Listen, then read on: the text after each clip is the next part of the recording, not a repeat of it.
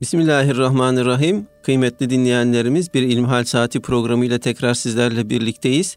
Yüce Rabbimizin selamı, rahmeti ve bereketi üzerimize olsun bu güzel ayda Ramazan ayında. Muhterem hocam, e, dinleyicimiz şöyle bize bir soru göndermiş. Hocam hayırlı Ramazanlar. Bir arkadaşım var epeydir para biriktiriyor. 200-300 bin TL'si oldu. Durumu çok iyi değil kıt kanaat geçiniyor. Bu arkadaşa zekat verebilir miyim? diye soruyor. Elhamdülillahi Rabbil alemin ve salatu ve selamu ala Resulina Muhammedin ve ala alihi ve sahbihi ecmain. Zekat namaz gibi bir ibadetimiz. İbadetlerde Efendimiz Aleyhisselatü Vesselam'ın bize göstermiş olduğu ölçüler esas kabul edilmeli. Efendimiz Aleyhisselatü Vesselam zekat Müslümanların zenginlerinden alınır, Müslümanların fakirlerine verilir diyor. Dolayısıyla zengin kavramı ve fakir kavramı burada önemli. Kardeşimizin bu sualinden anlaşıldığı kadarıyla kendisi varlıklı biri, zengin olarak nitelendirilebilecek biri, zekat mükellefi, zekat vermesi lazım. Burada bir sıkıntı yok. Fakat vereceği kişinin fakir olması gerekiyor. Bu Kur'an-ı Kerim'de zikredilen sekiz sınıf zekat verilebilecek insanların ortak paydası. Bunların bir istisnası müellefeyi kulüp dediğimiz kalbi İslam'a ısındırılmak için kendisine zekattan pay verilenler. Onlar zengin de olabilirler. Mamafi bu sınıfın da Hazreti Ömer Efendimizin radıyallahu teala an tasarrufuyla artık e, kalmadığı çünkü İslam'ın kimsenin Müslümanlığına bir ihtiyacının artık görünmediği yönünde bir iştihadıyla o kapıda kapanmış deniyor. Gerideki yedi sınıf e, zekat verilebilecek kimsedeki ortak özellik bunların fakir olmaları. Fakirlik ya çalışmaktan aciz olmakla ilgili veya efendim çalıştıkları iş dini bir hizmet olduğu için fiilen bir meslek icra edip de nafakalarını kazanamıyorlar. Söz gelimi Allah yolunda cihad eden bir mücahit cihatla meşgul olduğu için efendim bir ilim adamı veya ilim tahsil eden bir talebe. E, bu da ilim tahsiliyle meşgul olduğu için bir sanat icra edemiyor veya bir yerde hizmet sektöründe çalışamıyor. Bundan dolayı buna zekat verilebilir. Şimdi birikmiş parası olan biri, yanlış hatırlamıyorsam sualinizde 200 küsür bin lira evet. bir para biriktirdiği söyleniyor. Muhtemelen bu parayı bir ev için biriktirmiş olabilir. Eğer böyle bir e, ihtiyacı için biriktirmişse bu ihtiyacını e, görmeye teşebbüs etmediği sürece yani bir kimse bir ev alır, evden dolayı borçlanır. Borçlu olduğu için de fakir kabul edilir. Çünkü e, borcunu ödemek durumundadır. Borcunu hesap ettiğinizde de bu adam ekside görülür.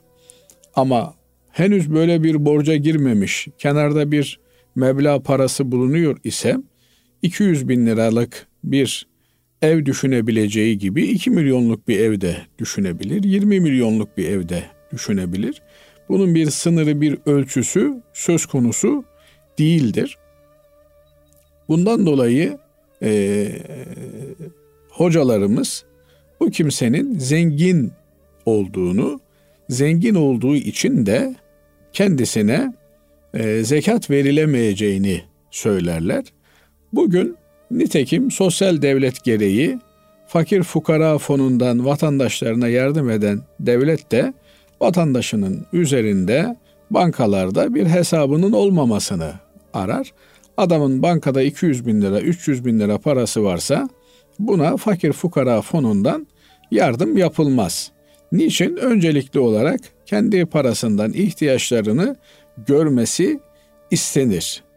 Fakirin, fukaranın, yetimin, dulun, kimsesizin, acizin zekatta önceliği vardır. Bunların aranıp bulunması gerekir. Bunlar toplumda her zaman ola gelmişlerdir. Cenab-ı Allah zenginliği de bir imtihan olarak bize verir. Fakirliği de bir imtihan olarak bize verir. Zenginlik mi zordur, fakirlik mi zordur? Bunlar uzun uzadıya tartışılmış meselelerdir. Fakirlik mi makbul, zenginlik mi makbul? Bu meseleleri bir kenara bırakacak olursak önemli olan zenginde şükür sahibi olması, fakirde de sabır ehli olmasıdır. Zenginin şükür sahibi olması Allah'ın kendisine vermiş olduğu zenginliği Allah'ın zenginlik vermediği kullarıyla paylaşmasıdır. Çünkü Cenab-ı Allah malları bize emanet olarak vermektedir. Mallar Cenab-ı Allah'ındır. Nitekim bundan dolayı da Cenab-ı Allah vermiş olduğu mallarda fakirin, fukaranın, isteyenin, isteyemeyenin hakkının olduğunu söyler. O hak sahiplerini bulup, gerçek hak sahiplerini bulup, onların eline zekatı ulaştırmak da zenginin sorumluluğundadır. Yani zengin olmanın gereği olarak bir şükranesi olarak zengin kişi zekatını hesap edip ayırmak ile sorumludur, yükümlüdür. Efendim benim 1 milyon param var. Bu 1 milyona 25 bin lira zekat terettüp ediyor. Bu 25 bin lirayı bir kenara ayırmam gerektiği gibi o 25 bin lirayı ihtiyaç sahibi fakir fukarayı bularak onlara bizzat teslim etmek de benim sorumluluğumda olan bir şeydir. Efendim ben zekatı çıkarttım, hesap ettim, tespit ettim, zarfa koydum. Benim burada vazifem biter diye bir şey söylenemez. Nitekim Cenab-ı Rabbül Alemin وَهُمْ لِلزَّكَاتِ failun buyuruyor. Onlar zekat için bir faaliyet halindedirler.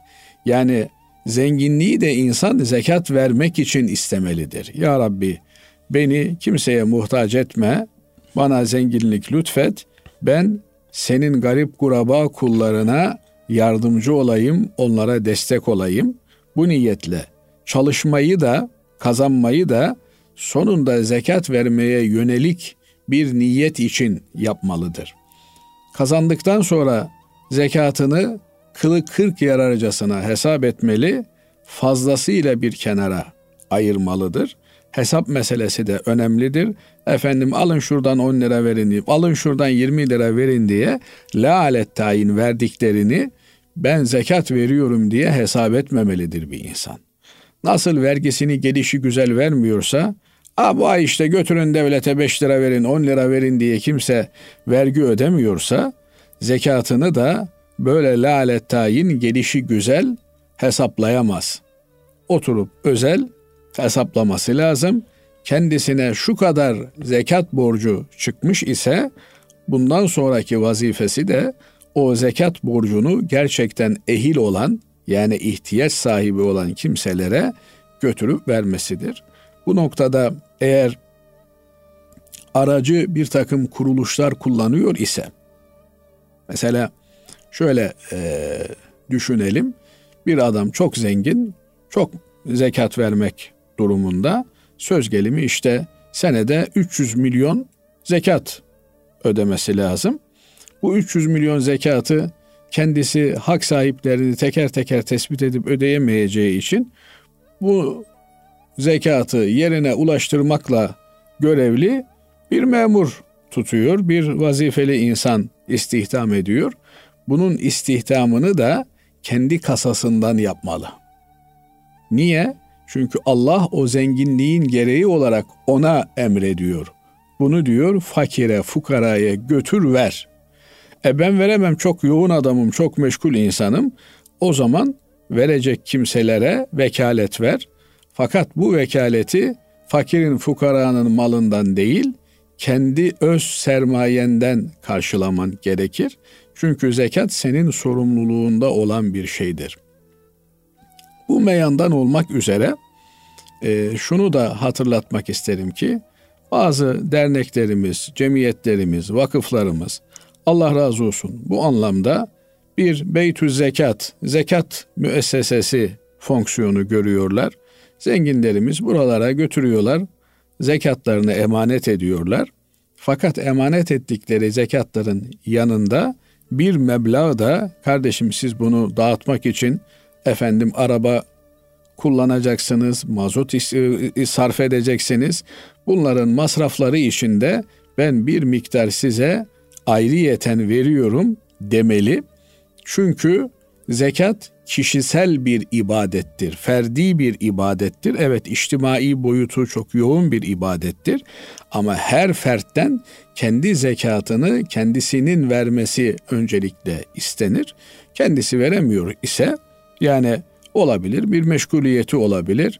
Efendim çünkü zekat vermek başlı başına bir faaliyettir. Ayet-i kerimeden de okuduğumuz şekliyle anladığımız zekatın bir faaliyet e, alanına dönüşmesi lazım. Bunun için 100 lira zekatı varsa 20 lirada üstüne bunu dağıtmak üzere eğer bunu ücretle yapıyorsa bir kurum, bir müessese üstüne vermeli. Ama bazı kimseler Allah razı olsun bunu ücretsiz de yapmaktadırlar. Efendim işte Basri Hocam e, sizin tanıdığınız talebeler vardır, ihtiyaç sahipleri vardır. Şu da fakirin 10 bin lira zekatı. Bunu lütfedip kabul edip fakir fukaraya vermek üzere e, tasarrufta bulunur musunuz diye biri sizden bir şey gelip rica etse efendim ben yaparım ama bin lirasını da ben alırım demezsiniz herhalde. Veya üstüne bin lira da ben alırım demezsiniz. Bu tür şahsi e, kimseler üzerinden verilen de bir problem yoktur. İtimat edilen kimselerse hakikaten bazı kimselere Cenab-ı Allah böyle bir lütufta bulunmuştur. Bu da bir lütfu ilahidir. Yani fakirin gelip sizi bulması. Efendim hocam şöyle bir ihtiyacım var demesi, talebenin gelip sizi bulması bu da bir lütfu ilahidir. Nitekim Hazreti Ali Efendimiz buyuruyor ki benim diyor en sevindiğim şeylerden bir tanesi ihtiyaçlarını karşılayacağımı düşünerek bir fakirin bana müracaat etmesidir diyor. Belki bir o kadar belki daha fazla sevindiğim de diyor Allah'ın azze ve celle'nin o kulunun ihtiyacını benim elimle görmesidir diyor. Dolayısıyla hepimiz birer e, vasıtayız. Cenab-ı Allah'ındır ikram, mal da onundur, mülk de onundur. Bunu yerli yerinde kullanmakla mükellefiz. Ez cümle zekat zenginin vermesi, fakire ödenmesi gereken bir ibadettir. Şimdi değerli hocam ben bu zenginlik üzerine biraz durmak istiyorum. Şimdi değerli hocalarımız e, hep bu zengin tabirini kullanıyorlar. Hakikaten evet doğru yani zengin ama e, toplumda anlaşılan zengin kavramı ile efendim fıkhımızın tespit ettiği zengin kavramı farklı. O yüzden yani bunu yani e, şu anda e, benim bildiğim kadarıyla e, bu sabah sahur programında dinlediğim bir hocamız miktarı belirtti. 73 bin lira gibi bir nisap miktarı e, sanıyorum e, nisap miktarına sahip olan zengin sayılıyor. Bunu biraz açar mısınız hocam? Tabii zenginlik kimseye ihtiyacının olmaması anlamına geliyor bir insanın temelde. Ama bu yeterli bir e, miktar değil. Bunun üzerinde yani kendi ihtiyaçlarını gördükten sonra nedir ihtiyacı? Evi var, arabası var, kullanacağı kapkaçağı var, bir mesleği varsa o mesleği icra edeceği efendim alet edevatı var. Kendi ihtiyaçlarını, kendi çarkını döndürebildikten sonra bir insanın ki eğer serbest meslek sahibi ise yani düzenli bir aylığı yoksa, bir geliri yoksa buna bir yıllık gelir yani geçin e, miktarını da dahil ederek söz gelimi ben işte ayda 10 bin liraya geçiniyorum. Dolayısıyla bana e, yılda 120 bin lira lazım. Bu benim bir yıllık geçimim için asgari bulunması gereken meblağ. Efendim e, çocuğumun okulu var, e, şu var bu var. Yani benim bir yılda toplu olarak ödemem e, gereken 120 bin lira bir meblağ var. Bu meblağın üzerine, bu miktarın üzerine beni bir yıl çekip çevirebilecek olan bir e, zenginliğin üzerine 73 bin lira ekstradan işte o da bugünün fiyatlarıyla yarın değişebilir. Bugün, evet. Efendim e, Türk lirasıyla hesap edince bazen ölçüler tutmaya biliyor. Evdeki hesap çarşıyla bozulabiliyor. Dolayısıyla bugünün hesabıyla böyle bir miktara sahip olan kişi şeriatımızca zengin yani zekat mükellefi kabul ediliyor. Buradaki zenginden maksadımız da efendim işte e, yatı olan, katı olan, uçağı olan vesaire filan anlamına değil. Zekat mükellefi olması anlamına. Bu kimsenin sahip olmuş olduğu ekstra e, yani kendi ihtiyacının bir sene kendisini çekip çevirebilecek olan miktarın üzerinde sahip olmuş olduğu efendim 70 bin lira 80 bin lira neyse nin üzerinde bir meblağ kenarda efendim veya ticarette bir parası veya para eden bir işi varsa bu kimsenin zekat vermesi gerekir. Efendim 80 bin lira varsa 2 bin lirasını e, fakire fukaraya dağıtması gerekir. Evet Allah razı olsun hocam. Efendim şimdi e, ikinci sorumuz e, şöyle. Selamünaleyküm hocam diyor dinleyicimiz. Selam. Ben iki yıldır obsesif kompulsif bozukluk hastasıyım ve davranışlarım yüzümden sürekli ailemle tartışıyorum. Bu davranışları isteyerek yapmıyorum. Vesveseye kapılıyorum ve yapıyorum. Ben de yanlış olduğunu farkındayım ama yapamıyorum. Annem de iki yıldır sabrediyor ama en sonunda beddua etti. Ölene kadar sürün, seni Allah'a havale ediyorum dedi.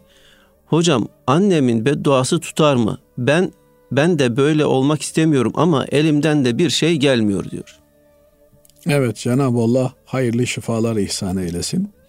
Vesvese en çetin hastalıklardan bir tanesi. İnsanın takıntılı olması, bir takım şeyler üzerinde sürekli olarak e, aynı şeyi tekrar etmesi, e, efendim işte ellerimi yıkadım, ellerim temiz oldu mu diye bir takıntının içerisinde olması, bu insanın günlük hayatını çok sıkıntıya sokan bir durum. Ne var ki psikolojik rahatsızlıklar, ruhi sıkıntılar, e, bedeni hastalıklar gibi değil, onların görünmesi, onların anlaşılması, onların hissedilmesi çok daha zor oluyor. Bakıyorsunuz sapasağlam eli ayağı yerinde, efendim taşı sıksa suyunu çıkartır diyorsunuz. Ama bir takım ruhi hastalıkları olduğu için çalışamıyor. Ee, bir şeye yoğunlaşamıyor. Bir takım takıntıları var, farklı problemleri var ve insanlar bu kimseleri anlamakta e, zorlanıyorlar. Nitekim bu kardeşimizin de ifade ettiği gibi annesi bir müddet sonra daralıyor ve e, istemeyerek de olsa çocuğuna beddua ediyor. Annelerin bedduaları tutar mı? Babaların bedduaları tutar mı? Anne baba Cenab-ı Allah'ın bize kendisine kulluktan sonra, ibadetten sonra e, iyilik yapmamızı emrettiği kimseler. وَقَضَى رَبُّكَ أَلَّا تَعْبُدُوا إِلَّا إِيَّهِ وَبِالْوَالِدَيْنِ إِحْسَانًا Rabbin hükmetti diyor. Yargıda bulundu. Ondan başkasına ibadet etmeyeceksiniz ana babaya da ihsanda, iyilikte bulunacaksınız. Bu iyilik işte al şunu türünden bir iyilik değil. İyilik kelimesinin, ihsan kelimesinin, iyilikte kalite kelimesinin ifade ettiği anlamda bir iyilik olmalı. Onları asla rencide etmeyecek, onları üzmeyecek bir e, üslup içerisinde evladın olması lazım gelir. Anaya babaya karşı haklı olunmaz. Ne olursa olsun anne baba karşısında bir evlat daima onların rızasını kazanma çabası içerisinde olmalı.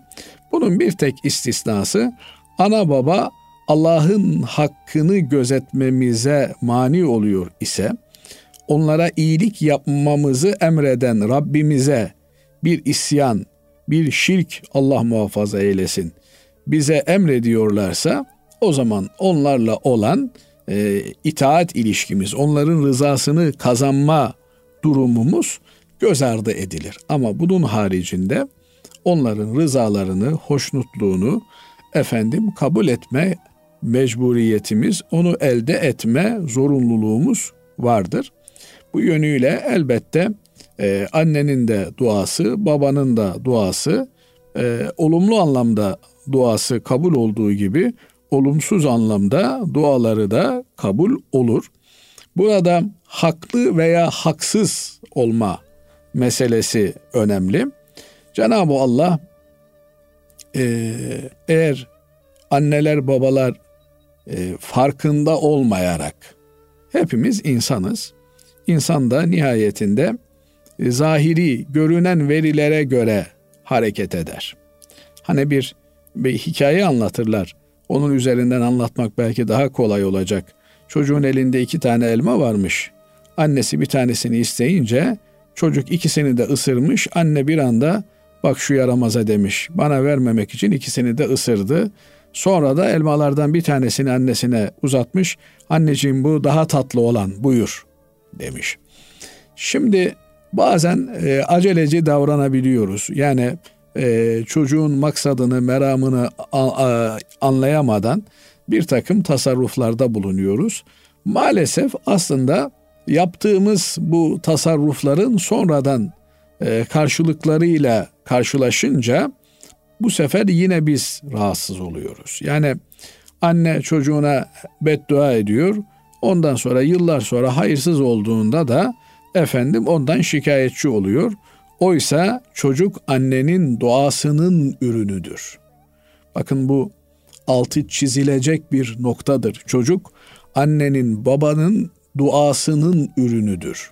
Yani çocuklarımıza hayır dua edelim. Çocuklarımıza olumlu şeyler söyleyelim. Efendim çocuklarımızı nasıl görmek istiyorsak onları oralardaymış gibi çağıralım, öyle seslenelim. Hadi benim güzel evladım, hadi benim hafız evladım, hadi benim e, şöyle evladım, böyle evladım diye görmek istediğimiz noktaları işaret ederek onlara hitapta bulunalım. Yaramaz, senden hayır gelmez, sen adam olmazsın, sen şu olmazsın, sen bu olmazsın türünden olumsuzları onların beyin altlarına, şuur altlarına eğer e, nakşedecek şekilde tekrar edersek birine 40 gün deli desen deli olur. Hükmünce çocuklarımızı o olumsuzlukların içerisine iteriz. Ama düşünün ki bir anne baba Oğlum Allah seni hayırlı eylesin. Seni de çoluğunu çocuğunu da hayırlı eylesin.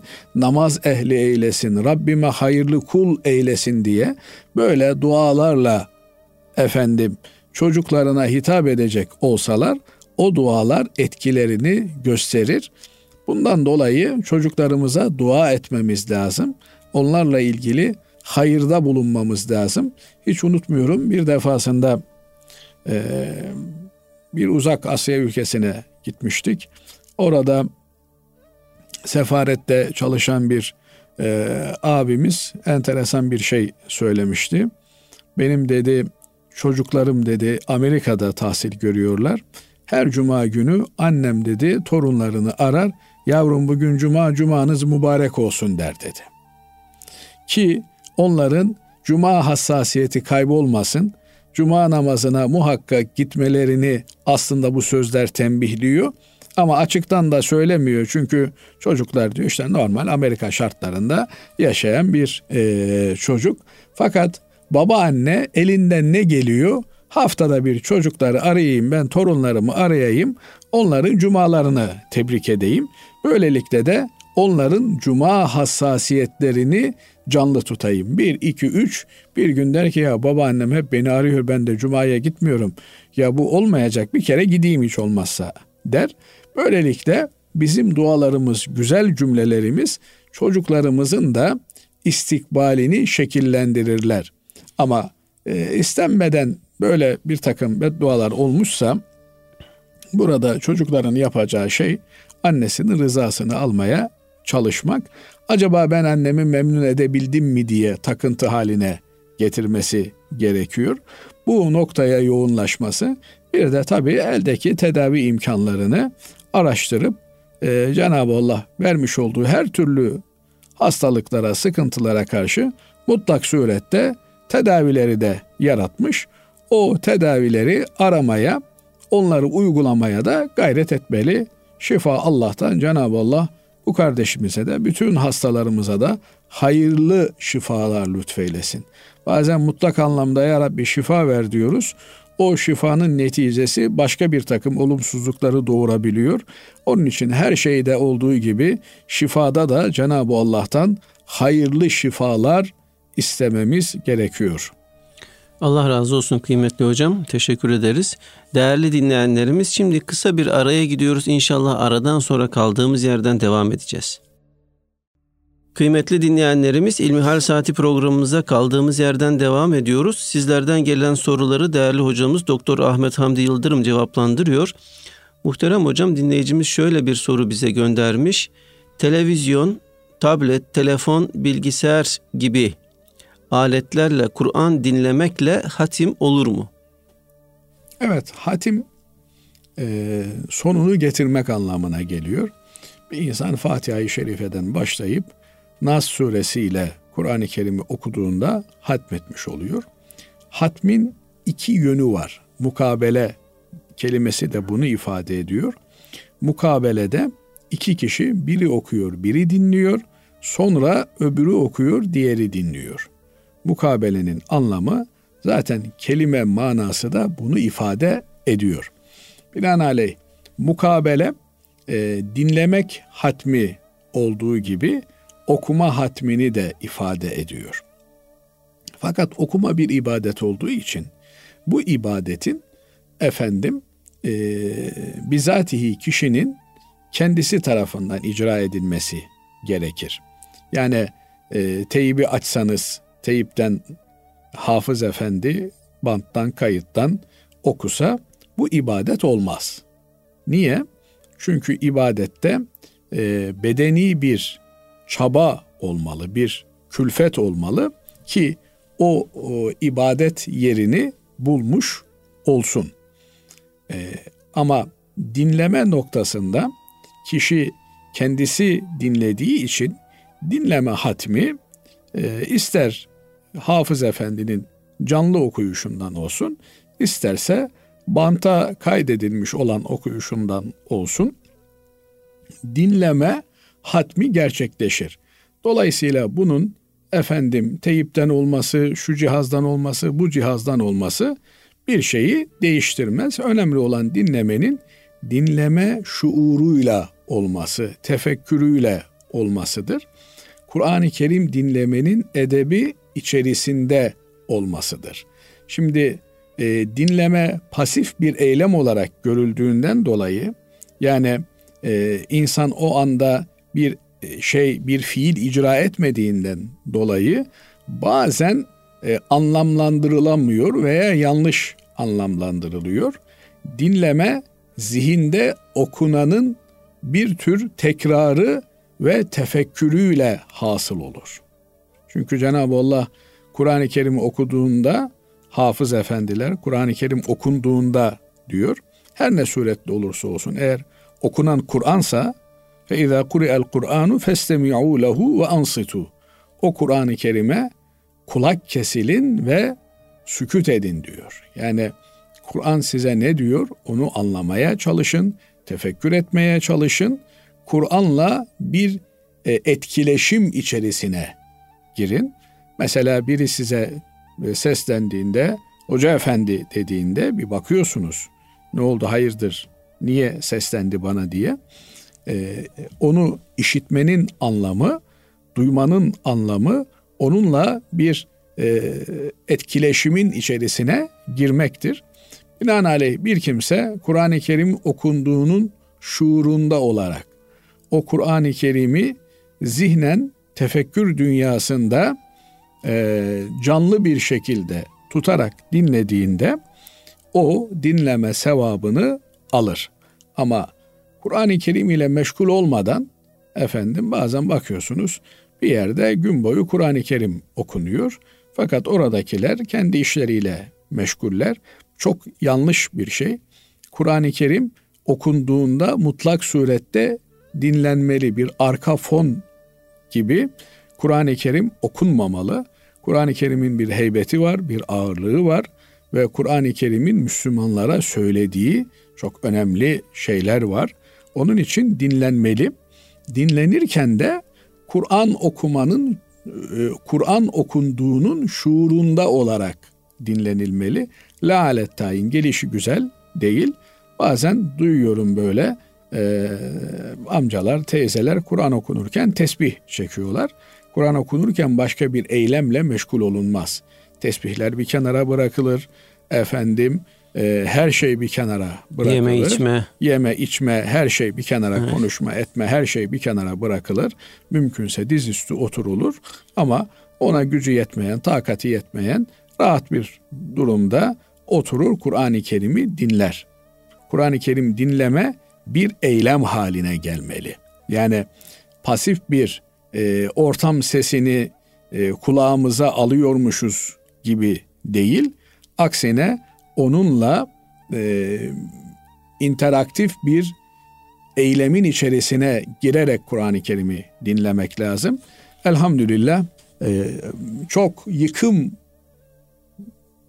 rağmen hala lisanımızda e, Kur'an-ı Kerim'de kullanılan geçen onlarca kelime bulunmakta. Efendim cennet geçiyor, cehennem geçiyor, efendim e, iman geçiyor, şirk geçiyor, e, birçok şey geçiyor. Bunlarla ilgili de işte cennet geçtiğinde ya Rabbi cennetine ehil eyle bizi, cehennem geçtiğinde ya Rabbi cehenneminden bizi muhafaza eyle diye insan içinden e, o Kur'an'ın sözleriyle e, hemhal olmaya çalışmalı. Böyle bir e, dinleme elbette hem Kur'an'ı tefekkür anlamını taşıdığı için hem de bizatihi onunla bir etkileşimin içerisine girildiğinden dolayı ibadettir. Fakat e, başta da ifade ettiğim gibi yani Ramazan'da insan hem dinleme hatmini hem de okuma hatmini e, yapmaya gayret etmelidir. E, bazen işte Kur'an-ı Kerim'i zor okuyanlar e, bitiremem diye endişe edebiliyorlar. Biz elimizden geleni yapmalıyız. Biz gayretimizi göstermeliyiz. Tevfik Cenab-ı Allah'tan. O e, dilerse kısa sürede bitiririz. Olmadı bir dahaki Ramazan'a kadar bitiririz. Evet. Evet. Allah razı olsun hocam. Efendim şimdi diğer bir sorumuz şöyle. Kızımın babası ile yıllar önce boşandık. Hiçbir katkısı arayıp sorması yok kızına. Doğduğu günden beri ben bakıyorum. Masrafı çok. Ben çalışıyorum, şimdi de ev parası biriktiriyorum.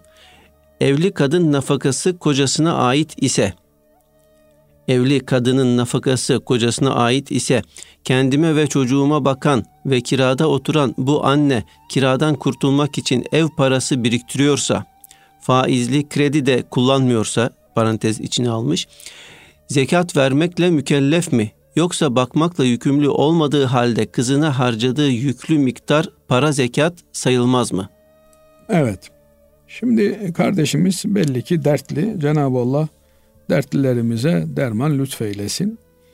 Ee, ama unutmamak gerekiyor ki evlenmek e, yeryüzünde bir kural olduğu gibi boşanmak da nihayetinde bir çözüm olarak karşımıza çıkıyor. Evet boşanmak Cenab-ı Allah'ın sevmediği bir şeydir. Arşın titrediği bir hadisedir. Fakat daha kötüsü olmasın diye boşanmak bir çözüm olarak önümüzde bulunuyor. Dolayısıyla toplumumuzda boşanmayı kötü bir durum gibi görmek yanlış bir şey olur. Elbette boşanma iyi bir şey değildir. Fakat e, çaresiz kalınmışsa Boşanma da nihayetinde bir istenmeyen çözüm olarak karşımıza çıkıyor.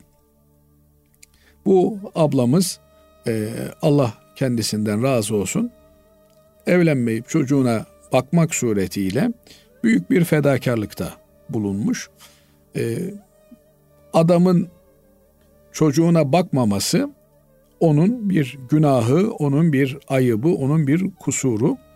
Dolayısıyla bu o, günahından dolayı ahirette hesaba çekilecek. Fakat tabi durumunu bilmiyoruz. Belki de bakma imkanı olmayan biri.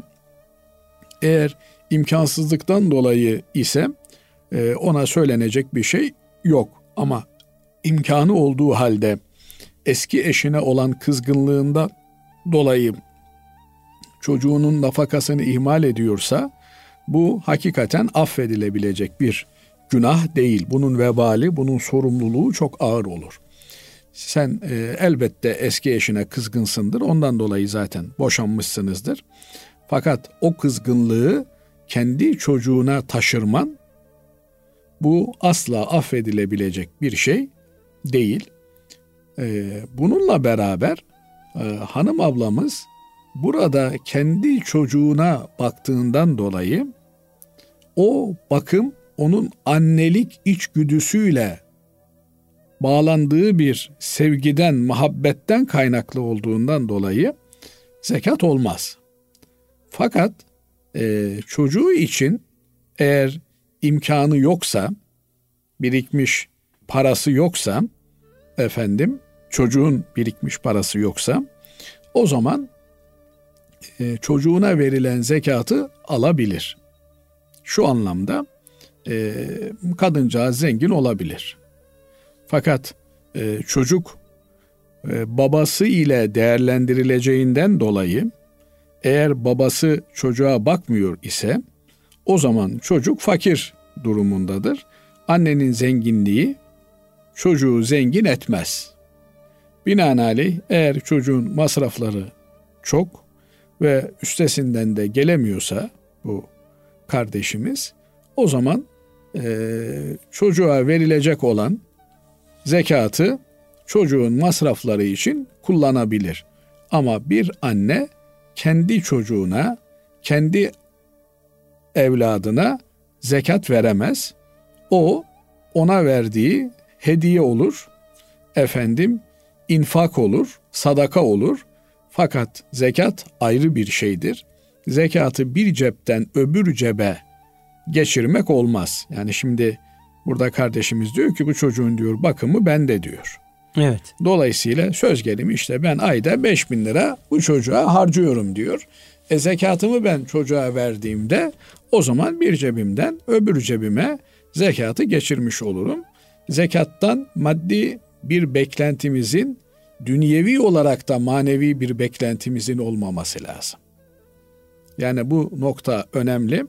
Efendim işte ben e, zekatımı filanlara veriyorum. Niye veriyorum? İşte arada bana geliyorlar, yardım ediyorlar. Odunumu, kömürümü taşıyorlar. Çarşımı, pazarımı yapıyorlar. Bundan dolayı veriyorum türünden maddi bir nemalanma veya işte ben onlara zekatımı veriyorum. Onlar işte benle ilgili çok iyi bir adam diyorlar, şöyle diyorlar, böyle diyorlar diye zekatı e, bu tür bir menfaate konu edecek şekilde vermek doğru değil. Zekatta asıl olan e, fakirin hakkı olduğunun bilinerek fakire verilmesidir. Nasıl insan borcunu öderken e, borcunu ödediği için bir teşekkür beklemiyor. İşte ben Basri Hocam sizden 10 bin lira borç almıştım. Getirdim 10 bin lira borçum, borcumu ödedim. Sonra da diyorum ki size ya işte 10 bin lira para verdim sana niye teşekkür etmiyorsun bana? Ya kardeşim verdin de bu verdiğin 10 bin lira zaten benden bir ay önce almış olduğun 10 bin liraydı. Yani insan borcunu ödedi diye karşı taraftan nasıl bir teşekkür beklemiyorsa veya maddi manevi dünyalık bir kazanç beklemiyor ise zekatını öderken de bunu bir kazanca konu etmesi doğru değildir. Bu e, kardeşimiz de şunu iyi bilmeli. Çocuğuna yaptığı harcamalar Allah katında başkasına vereceği sadakanın çok çok daha üstünde makbul bir sadakadır inşallah. Onu eski kocamın çocuğu olarak diye ifade ediyor ya böyle ifade etmesin bence. Allah ona bir çocuk lütfetmiş. Ee, insan kocasından ayrılabilir, hanımından ayrılabilir fakat çocuğundan ayrılamaz. Bu vesileyle şunu da ifade etmek lazım gelir ki bir e, kadın evli olduğu erkekten boşanır, aralarındaki bütün ilişki biter. Ama kayınvalidesiyle, kayınpederiyle mahremiyet ilişkisi devam eder. Aynı şekilde erkek de evli olduğu kadından boşanır fakat kayınvalidesiyle, kayınpederiyle mahremiyet ilişkisi devam eder. Onların da yeri geldiğinde halını hatırını edep dairesi içerisinde sorması uygun olur. Özellikle de bu tür boşanmış ailelerde taraflar birbirlerine olan kızgınlıklarını, sinirlerini ki belki geçici olarak bunlar olabilir ama bunu uzun vadeye taşırmamak lazım. Çocukları babalarından, annelerinden uzak tutmamak lazım. Hele de nenelerinden, dedelerinden koparmamak lazım. Yani e, evet Ahmet Fatma ile evliydi, ayrıldılar, birbirlerine iki yabancı oldular. İşte ortada bir tane çocuk var ama e, hem Fatma'nın kayınvalidesi kayınpederi hem Mehmet'in kayınvalidesi kayınpederi hala onların mahremleri olarak devam ediyor. Dolayısıyla adam kadınla, kadın adamla e, görüşmekte sıkıntı çekiyorsa çocukları dedelerinin, nenelerinin evine zaman zaman götürüp orada da akrabalık bağlarını korumaya, kollamaya, gözetmeye bir mecburiyetimizin olduğunu unutmamak lazım gelir. Yani işte adam sorumlulukları vardı da sorumluluklarını yerine getirmedi. Çok zalim, çok vicdansız. Ben ona çocuğu göstermem türünden bir eylem. Akrabalık bağını kopartmak, belki unutturmak anlamına geleceği için çok büyük bir günah olur. Buna da yeri gelmişken dikkatleri çekmek isterim. Cenab-ı Allah e, imtihanlarımızda ki insanlar imtihanlarda e, kalitelerini gösterirler. Dengeyi muhafaza etmeyi hepimize nasip eylesin. Amin. Allah razı olsun. Teşekkür ederiz değerli hocam. Kıymetli dinleyenlerimiz, bugünkü İlmihal Saati programımızın böylece sonuna ermiş bulunuyoruz. Efendim hepinizi Allah'a emanet ediyoruz. Hayırlı Ramazanlar diliyoruz.